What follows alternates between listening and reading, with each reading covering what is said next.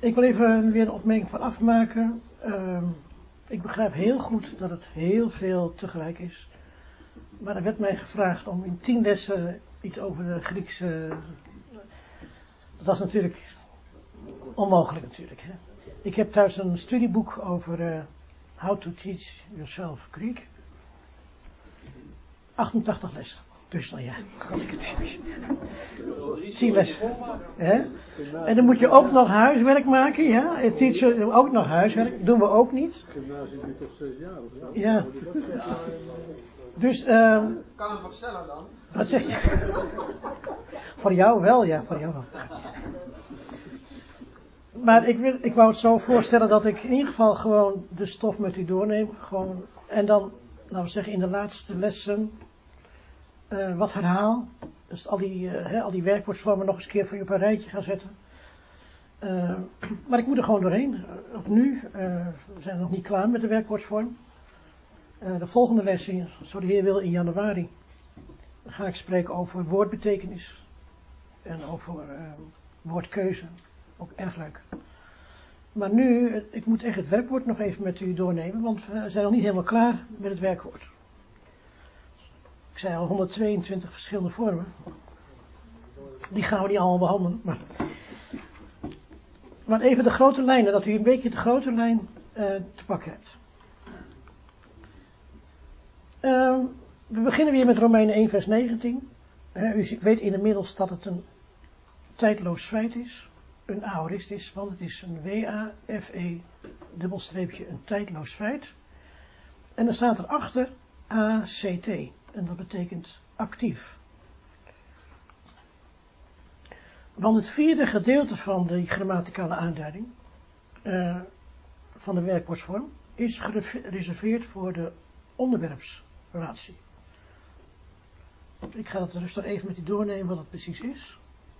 De onderwerpsrelatie geeft aan hoe de verhouding is tussen het onderwerp en de handeling van het werkwoord. In het Koine Grieks zijn er drie onderwerpsrelaties. Actief, passief en de middenvorm. De beruchte medianus. Daar gaan we zo nog over te spreken. Die, het woord evanerosen is dus een W-A-F-E dubbelstreepje, tijdloos feit, actief. De actieve vorm en de actieve vorm houdt in dat het onderwerp de handeling, de actie van het werkwoord uitvoert. Dus actief wil zeggen, de onderwerp uh, voert de handeling uit. Even terug. Dus als er staat God maakt openbaar, dat wil zeggen uh, dat God is het onderwerp. Dat kunnen we ook zien aan het groene blokje. Het groene blokje weten we inmiddels dat het onderwerp is. God maakt aan hen openbaar. Dus, God is dus het onderwerp en die voert de handeling uit, actief. Ik denk dat dat wel duidelijk is. Dan staat er in Romeinen 4 vers 25, die, dat is uh, Christus, werd overgeleverd vanwege de misstappen van ons. Dat Paradote is dus een WA aantonende wijs FE feit in de verleden tijd passivus. De passieve vorm. En de passieve vorm houdt in dat het onderwerp de handeling van het werkwoord ondergaat.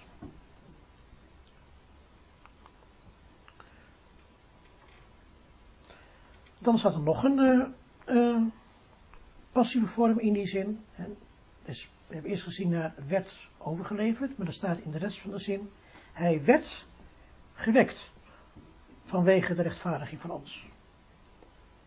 André Piet heeft daar pas nog een, eh, een, een berichtje aangeweid, dat hij zei, werd gewekt, dus de vader heeft hem gewekt. Ja. Dus Christus eh, niet van we hebben een lied of zo, hij stond op uit eigen kracht of zo, hè? dat is een of ander lied van, van de, liedboek van de kerk, dan weet je ook van tevoren hè, dat het fout is. Ja, goed, oké. En dan, hè, want het is, hij werd gewekt. Dus passief. Ja? Doet hij niet zelf. Christus ondergaat de handeling. Hij werd overgeleverd. Hij leefde zichzelf niet over, nee, hij werd overgeleverd, passieve.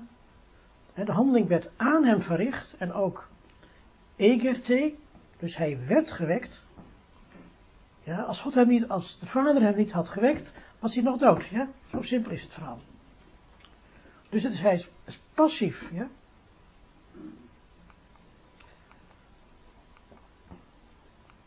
Oké. En nu komen we bij, je ziet hier staan, ik wenste, en dan ziet u staan W-A-F-E, V-T, mit. Dan ziet u, als u goed, ik, ik heb het op een, op een staan natuurlijk, ja. De actieve vorm wil zeggen, het onderwerp voert de handeling uit. Dat is actief. Maar dat is het dus niet. Dus de passieve vorm ondergaat de handeling, is het ook niet. Nee, het is een middenvorm. En wat is dat dan? Omdat de Nederlandse taal de middenvorm niet kent, wordt in de Nederlandse internière vertaling achter de werkwoordsvorm een tekentje geplaatst.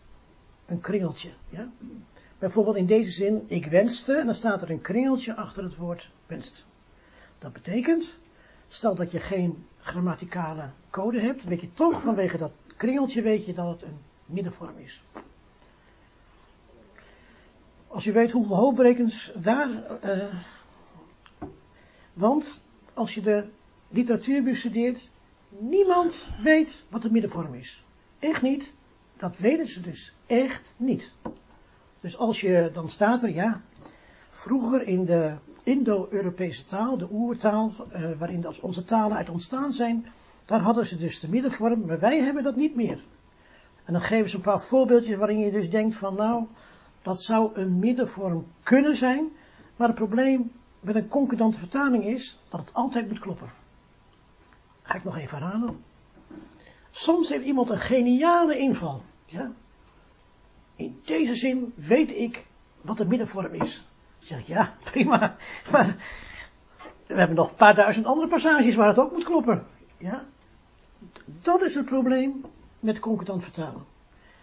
We zeggen altijd, concordant vertalen, dat is snijden in je eigen vlees. Ja, want je denkt een geniale gedachte te hebben. En die moet je meteen weer bijstellen als je de andere passages bekijkt. Ja? Je kan ook zeggen natuurlijk, zoals het MBG, dit, ja, maar oké. Maar dat doen we dus niet met concordant vertalen. Het moet altijd kloppen. En dat is het probleem met de middenvorm. Wat is dan die middenvorm? In de actieve en de passieve vorm heeft de handeling de nadruk. ik loop, hij werd gewekt, de handeling heeft dus de nadruk. In de middenvorm ligt de nadruk op het onderwerp dat betrokken is in de handeling. En ik ga nu iets tegen u zeggen. Ik ga nu proberen uit te leggen wat de middenvorm is. Ik zei al, niemand weet wat de middenvorm is. Dus ik ga u iets zeggen wat ik denk dat het zo is. Er zijn ook andere broeders die er anders over denken. En als er echt een broeder op staat die mij uit kan leggen wat de middenvorm is, helemaal goed. Maar ik ga u nu presenteren wat ik denk dat het is. Ik moet niet zeggen van ja, dat heb je gezegd, dus zo is het. Nee, ik leg het aan u voor. Dat is het enige onderwerp wat ik aan u voorleg. De rest zeg ik gewoon, zo is het. Ja, zo is het. Maar dit zeg ik dus met enig voorbehoud. Ik zeg tegen u, zo zou het kunnen zijn. Ik geef u ook de teksten waarin je kunt zien dat het zo zou kunnen zijn. Ik zeg niet zo is het. Ik zeg zo zou het kunnen zijn. Met andere vormen, de aorist, noem maar op. Dat staat maar, niet dat ik mijn hand voor in het vuur steek, dat is een beetje, maar ja, daar ben ik zeker van. Maar hier ben ik dus niet zeker van. Ga dus niet zeggen later tegen mij, je was toch zo zeker? Nee, ik, ik geef u aan wat het zou kunnen zijn. Ik heb een tekeningetje. Heb ik niet gemaakt? Of ja, we hebben het wel andere in mijn gemaakt. Maar dit is een benadering waarin we denken dat het zo moet zijn. En dan zie je dus dat dus de passieve vorm naar het onderwerp toe gaat. Dat is ook logisch als je zegt, uh, ik werd gewekt. dan voert iemand anders die handeling uit aan jou. Want jij bent, jij ondergaat die handeling. Dus, in de passieve vorm gaat de handeling naar jou toe. Ja? Maar in de actieve vorm gaat de handeling van jou uit. Dat hebben we net gezegd. Maar als dan die middenvorm, ja, die staat in het midden. En daarom heet het ook de middenvorm. Officiële term heet medialis en dat betekent gewoon middenvorm. Ik zeg gewoon Nederlands woord, omdat ik niet hou van uh, dingen ingewikkelder maken. Het is de middenvorm. In het midden tussen actief en passief. Het onderwerp hebben we ook even getekend. bij het onderwerp gaat dus de actieve vorm vanuit het onderwerp vandaan. Bij de passieve komt het dus in het onderwerp, wordt hij dus getroffen. In de middenvorm is het dus in het midden. Dat kunnen we vast, vaststellen. En toen hebben wij een woord genoemd waarin we dus proberen dat te pakken. Want we hebben dat betrokkenheid genoemd. De middenvorm kan zowel actief als passief uitgedrukt worden in het Nederlands. Dit betekent dat de actieve en de passieve vorm het onderwerp van de handeling erbij betrekken. Dus, als je de Griekse vorm, die is altijd hetzelfde, maar in het Nederlands moet je vertalen. Je kunt niet zeggen, ja, ik vertaal het niet. Nee, je moet het vertalen. Soms vertaal je het actief, soms vertaal je het passief, maar het is nog steeds een middenvorm. Dus, wij denken dat je dus, dat die handelingen het onderwerp erbij betrekken. Dus de actieve handeling van de middenvorm betrekt het wezen van het onderwerp erbij. De handeling wordt door het onderwerp met heel zijn wezen, met intense betrokkenheid gedaan. De passieve handeling van de middenvorm betrekt het wezen van het onderwerp erbij. Het onderwerp ondergaat de handeling met heel zijn wezen, met intense betrokkenheid. Goed, gaan we, gaan we de proef de som nemen, de schriften natuurlijk, hè? dan gaan de schriften dus kijken of dat klopt. Hier staat ze dus, ik wenste een bandvloek te zijn, zegt Paulus in Romeinen 9 vers 3. Dus die actieve handeling van de middenvorm betrekt het wezen van het onderwerp erbij. De handeling wordt door het onderwerp met heel zijn wezen, met intense betrokkenheid gedaan. Dus ik wenste met heel mijn wezen, ja, een bandvloek te zijn. Matthäus 1 vers 21, zij zal een zoon voorbrengen, dat is Maria. Ook weer de middenvorm. Dat zie je aan het kringeltje achter voortbrengen, er staat een kringeltje achter. En in de code staat dus mid, middenvorm.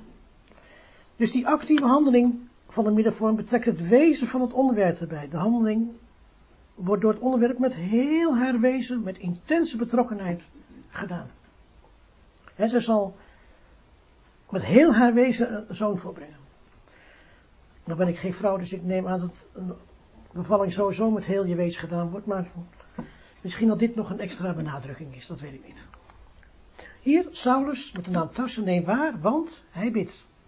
Heel merkwaardig, het woord bidden staat altijd in de middenvorm. Dus die actieve handeling van de middenvorm betrekt het wezen van het onderwerp erbij. De handeling, hè, bidden, wordt door het onderwerp met heel zijn wezen, met intense betrokkenheid, bidt hij. Ah. Dank u.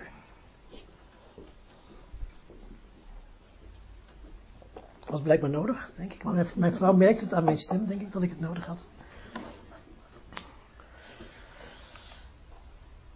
Dit vind ik ook een hele mooie, openbaring 1 vers 7 1 waar. Hij komt met de wolken. Dat in de middenvorm. Hij komt is normaal gesproken gewoon een actieve vorm. Hij komt, ja. Hij komt is gewoon een actieve vorm. Maar het is geen actieve vorm, het is een middenvorm. Dus er is iets extra's bij dit woord. Hè, het is niet gewoon komen, dus wij denken dat, het dus met, dat hij met heel zijn wezen, dat, hij, dat de Heer met intense betrokkenheid komt met de wolken. Ja? Want het is niet gewoon komen. Er is iets speciaals aan de hand. Dus die middenvorm die duidt iets bijzonders aan. En zoals ik al zei, uh, de geleerden weten niet wat het is. Ze zeggen ja, uh, het heeft te maken dat dus, de, ook wat, wat ik ook zeg, maar dat dus hij betrokken is bij de handeling. Ja, dat denken wij ook. Dat hij, hij met heel zijn wezen erbij betrokken is. Hier dan, uh, dat de Heer iemand gezond maakt, hij pakt hem vast, vastpakkende, ook in de middenvorm. En hij maakt hem gezond. En wij denken dat ook hier, dus allebei in de middenvorm, dat de Heer dat met heel zijn wezen, met intense betrokkenheid doet. Iemand vastpakt en hem gezond maakt. Ze werden gedoopt in de Jordaan. En dan denken wij ook weer dat ook hier, een passieve vorm, maar het is de middenvorm, die betrekt het wezen van het onderwerp erbij. Dus zij werden met heel hun wezen, met intense betrokkenheid werden zij gedoopt.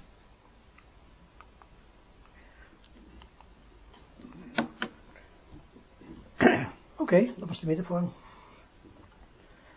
Nu zeg ik tegen u, het enige wat u, uh, uh, u moet niks, u moet niks, het enige wat u kunt doen, niet moet doen, wat u kunt doen, is bijvoorbeeld in de vertaling van Eben en Ezen kijken, die hebben ook met een tekentje waarschijnlijk aangegeven dat het een middenvorm is. Dat je denkt, hé, hey, er is iets aan de hand. Een, oh, een cirkeltje met een punt erin. We hebben een kringeltje gedaan en zij hebben een cirkeltje met een puntje erin. Dus als u dat ziet in uw vertaling, denkt u, hé, hey, het is een middenvorm. Menno zei dat iets was als intense betrokkenheid. Misschien past het in die zin heel goed, ja. Ik zeg niet dat ik het, ik zeg niet dat ik die, dat, uh, zoals ik al zei, het is een poging om te begrijpen wat het is. En die middenvorm komt aardig wat voor. Ik meen uit mijn hoofd 13% van alle teksten. Gewoon, dus uh, werkwoordsvormen. Dus dat is aardig wat. Ja? Hoe kan je nou aan het werkwoord zien dat het de middenvorm is? Hoef je dat niet te weten? Uh, ja, als je al die uitgangen wil leren. Gewoon, uh, ja, dus, er zijn zoveel uitgangen. Maar, ja. Maar er is niet één specifiek dingetje waaraan je kan zien zoals met die E en die S. Nee, dat is nou juist zo interessant bij de aorist, maar bij de, uh, bij de middenvorm uh, heb je, ja, ik weet niet uit mijn hoofd hoeveel, maar je hebt allerlei verschillende vormen. En die moet je allemaal uit je hoofd leren als je dat wil herkennen als een, uh, als een middenvorm. Hè? Geef dan toch maar die vertaling waar het bij staat. Nou kijk, wij hebben dus, wij hebben dus die, die, die codering erbij gezet en die is gewoon een klassieke codering hoor, want dat kun je ook gewoon in uh, standaardboeken vinden, dat dit, dat dit een middenvorm is. En dan weet je, oké, dan moet ik even opletten. Ja, en we hebben op twee manieren gedaan. We hebben een, een kringeltje gezet achter het woordje gedoopt. Dan weet je, oh, oké, middenvorm. En je kunt aan de codering zien dat het een middenvorm is. En dan moet je denken, oh ja, even opletten. Ja, dus, uh, goed, dan hebben we nog de, het, laatste gedeelte van de, van de uh, codering van de werkwoordsvorm. En we hebben de eerste vier delen hebben gedaan. Het eerste gedeelte is voor de wijs. Het tweede gedeelte is gereserveerd voor de handelingswijze. Het derde gedeelte is gereserveerd voor de tijd. En het vierde gedeelte is gereserveerd voor de onderwerpsrelatie. Maar we hebben dus nog een gedeelte. Het vijfde gedeelte, en dat is de grammaticale aanduiding, uh, is de persoon. Dus 1, 2 of 3. De persoonsaanduiding kan dus eerste, tweede of derde persoon zijn. In het zesde gedeelte van de grammaticale aanduiding is het getal. Er zijn dus twee mogelijkheden, enkelvoud of meervoud. Dat heb ik even voor u op een rijtje gezet. We gaan kijken naar de aorist van het woordje geloven. De eerste vorm is epistesa, dat is dus ik geloof. Er staat dus 1 EV, eerste persoon, enkelvoud, en dat is ik geloof. Die zie je episthesos, daar staat dus in de aanduiding 2 EV, en dat betekent jij gelooft. Dan staat er bij episthuisen 3 EV, en dat betekent dus hij gelooft. Bij de episthuisamen staat er dus 1 MV, eerste persoon meervoud, wij geloven. Dan staat er bij episthuisate, staat er dus 2 MV, dat is jullie geloven. En episthuisan 3 MV, dat is zij geloven. Dus je kunt dan aan onze codering ook zien dat ik het goed gedaan heb. als ik zeg wij geloven. En dan zou een andere codering staan dan 1 MV, dan weet u dat het fout is. Dus daar kunt u ook aan controleren of ik het goed gedaan heb. Ja? We krijgen nu het volgende overzicht. Dus het werkwoordsvorm met persoon en getal. Dus uh, werkwoord eerste persoon enkelvoud ik geloof. Tweede persoon enkelvoud jij gelooft. Derde persoon hij gelooft enzovoorts. Ja? Dan kun je gewoon nakijken. En zo ziet dat eruit in de tabellen. Want je zegt, ja dat zeg je nou wel, hè, dit. Dat zeg je nou wel. En hier kun je dus controleren. We hebben dus tabellen gemaakt, dat iedereen kan zien dat het dus, uh, of het goed gedaan is. Want je moet alles kunnen controleren. Dus ik zie met grote verwachting uit, dat Ebena Ezer op een gegeven moment ook deze tabellen zal geven. Ja? En waarom? Dat is je bewijsmateriaal. Je kunt wel wat maken. Nee, je moet bewijsmateriaal geven. Dus, die ISA-programma, wat u dus kunt uh, consulteren, wat u kunt bekijken, het bewijsmateriaal staat er dus bij. En dat is erg belangrijk, anders kun je alles beweren. Ja?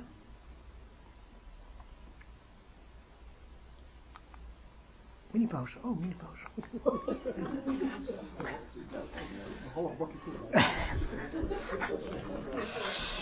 half bakje koffie, ja. Half bakje koffie. Um, ja, prima. Ik heb net gezegd dat het misschien verstandig is om uh, de werkwoordsvormen nog een keer te herhalen aan het eind van de cursus. En dan behandel ik ook gelijk in les 8 de bijzondere werkwoordsvormen, want ik heb niet alle werkwoordsvormen behandeld. Uh, dus uh, ik heb alleen de belangrijkste behandeld, zodat u, ik moest u een indruk geven wat, wat het Grieks van het Nieuwe Testament zo inhoudt. En dan wil ik nog even wat conclusies trekken. We hebben eerst in de eerste lessen, eerst les 1 en les 2, hebben we het naamwoordelijk verbuigingssysteem gedaan. Ook nog in les 3, de halve les. En we hebben toen gezien dat de naamvallen een grote rol spelen in de betekenis van de zin. En dat de Bijbelvertaling, hè, NBG om even te noemen, het een en ander aan betekenis laat liggen.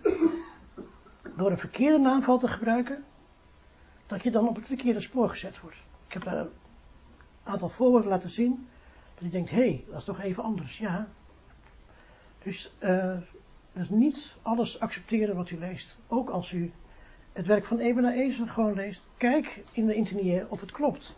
Heel vaak hebben ze bijvoorbeeld een, een i'tje ook bijgezet of een ander lettertje. Hè, als het een, uh, een bepaalde voorzetsel is of een naamval.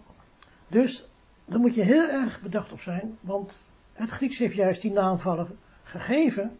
Dat wij Gods woord dus heel nauwkeurig kunnen lezen. Nou, als we dat dus niet zien, dan dan begrijpen we heel veel Bijbelgedeelten volkomen verkeerd. Dus het is uiterst belangrijk dat u het uh, het naamwoordelijk verbuigingssysteem. Ik heb u nu in de afgelopen twee lessen iets van het werkwoordelijk verbuigingssysteem laten zien. En bij de werkwoorden is de situatie nog veel ernstiger. Allereerst is er een aanvoegende wijs, die in het Nederlands vrijwel verdwenen is. Ten tweede is er een middenvorm, die het Nederlands helemaal verdwenen is. Ten derde is er een aoristus, een tijdloos feit, die in minstens 25 van de gevallen, 50% van de gevallen, door de Bijbelvertaling, NBG, Statenvertaling, als een voltooide handeling wordt weergegeven.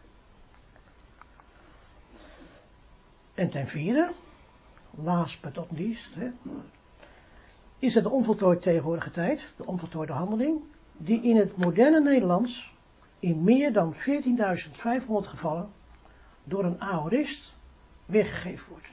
En dat ga ik nu aan u vertellen. Het is een verhaal, dus u, u hoeft niet bang te zijn dat u allemaal moeilijke slides krijgt. Ik ga u geschiedenis vertellen. Ja, die is het, geschiedenis. Echt gebeurd? Ja, echt gebeurd. Ik wil dus met dit voorbeeld wat ik nu ik ga u een voorbeeld geven. En dat voorbeeld is echt belangrijk. En laat ik zien hoe misleidend het is. Als in onze Bijbelvertaling dus uh, een onvoltooide handeling weergeeft door een aorist. Omdat wij de Nederlandse taal niet meer goed begrijpen. Ik zeg het nog een keer.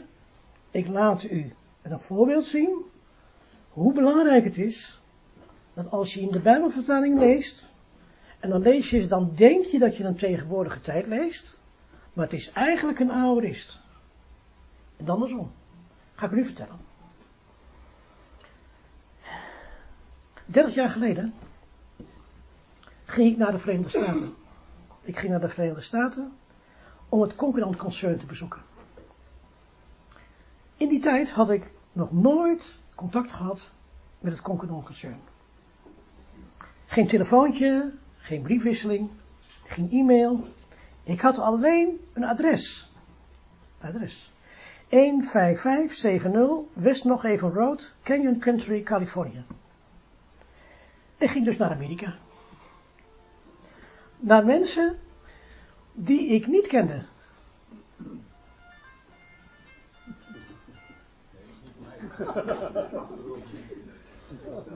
Ja, altijd dezelfde. Gewoon even, wat zal ik maar zeggen? Gewoon, ja. Oké, ik ging dus naar Amerika naar mensen die ik niet kende. Ik had alleen een adres. Ik wist niet eens of die mensen wel op het adres woonden. Ik had alleen het adres.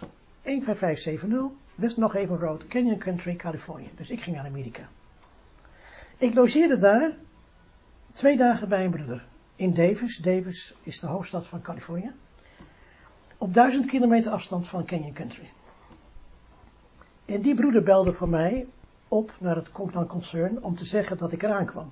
Want we wisten natuurlijk ook niet dat ik eraan kwam. En mijn broeder legde na het telefoongesprek verbaasd de telefoon neer. Zijn gezicht werd heel zorgelijk. Hij zegt, die man waar jij naartoe gaat, die klonk niet vriendelijk. Ik zei, geen probleem, de heer gaat voor me uit. En toen reed ik duizend kilometer om er te komen. Ik sliep s'avonds in een motel. Ik reed de volgende dag de canyon in. De West nog even road op. De buurman van het concurrent concern had een bord geplaatst bij de ingang van zijn oprijlaan. Daar stond op, niet het terrein oprijden, wij schieten. Ja. Ik was zeker dat hij het ook zou doen, echt waar. Gelukkig uh, was het concurrent concern vreedzamer. Toen ik hun oprijlaan opreed, vlogen de kogels maar niet om de oren. Ik stopte voor het mooie, oude, houten huis. Er kwam een man naar buiten. Hij zag er imponerend uit. Fors, met een enorme bos, uh, pikzwart haar. Hij had een heel groot schort voor. Niet om te slachten, bleek later maar om boeken te drukken. Maar dat wist ik ook natuurlijk niet. Hij bulde mij toe. Wat moet je? Het klonk als het grommen van een hond. Echt waar. En in de verte hoorde ik de coyotes. Die hoor je daar echt. En ik meende ook een ratelslang te horen. Prettige plaats, ja. Prettige plaats. Ik zei wie ik was en wat ik kwam doen. Hij schudde mij de hand en hij zei, ik ben Jim Corum. En ik zei, nice to meet you. Nice to meet you. Even een moeilijke passage. Ik zei, nee, hij zei. Hij zei, je komt dus niet van Eben naar Ezer. Ik zei nee. Hij zei goed, anders kun je meteen weggaan. Echt waar. Echt waar. Ik, ja goed. Echt waar, hè? Ik vertel even gewoon waarheidsvinding, hè? Je komt dus niet van Ebenezer. Nee, goed, anders moet je maken dat je wegkomt. Ik begon te lachen. Waarom? Een lachwekkende opmerking. En toen moest hij ook lachen. En toen zei hij, ken jij Johannes 3 vers 36?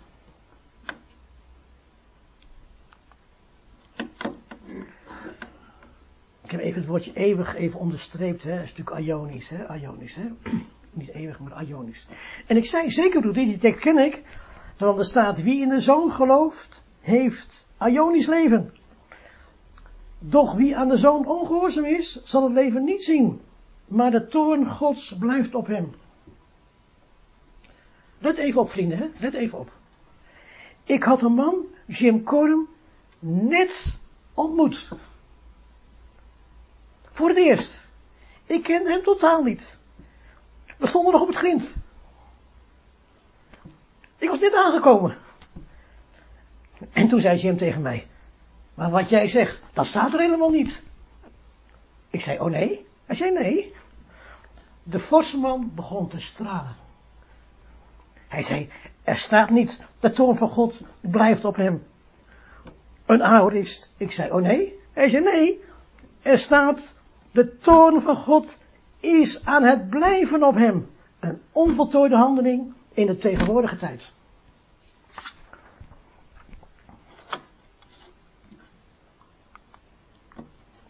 Kijk maar. W-A-H-O. T-T. Ja? Is aan het blijven. Streepje voor het blijft. Dus Jim Corbin zei tegen mij, er staat helemaal geen aorist. Het is een onvoltooide handeling in de tegenwoordige tijd.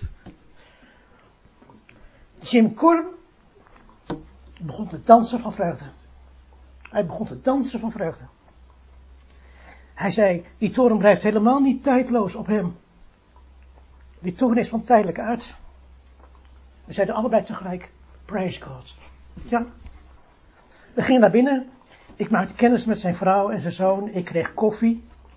Jim zei, kun je piano spelen? Ik zei ja. En toen zongen we urenlang samen concordante liederen. Ik heb het een andere uitgelegd dat concordante liederen zijn liederen met bekende melodieën, maar met andere tekst. Weet je wel? Gewoon, dat is concordante liederen.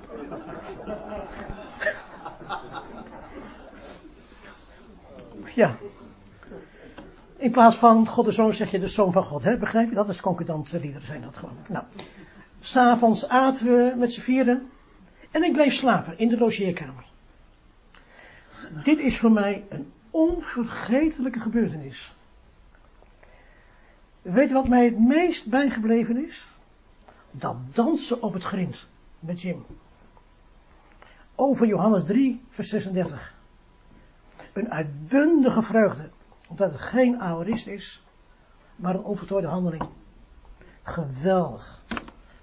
Ik hoef u niet te vertellen dat deze tekst uit Johannes 3, vers 36 in menig kerkgenootschap misbruikt is om de eeuwige straf van de kansel te verkondigen. Ja. Maar dit dodelijke schot is gewoon een losse vlotter. Wat staat er gewoon niet? Deze tekst in de MBG, in de King James Version, is gewoon niet waar. Een fata morgana. Misleiding. Dus.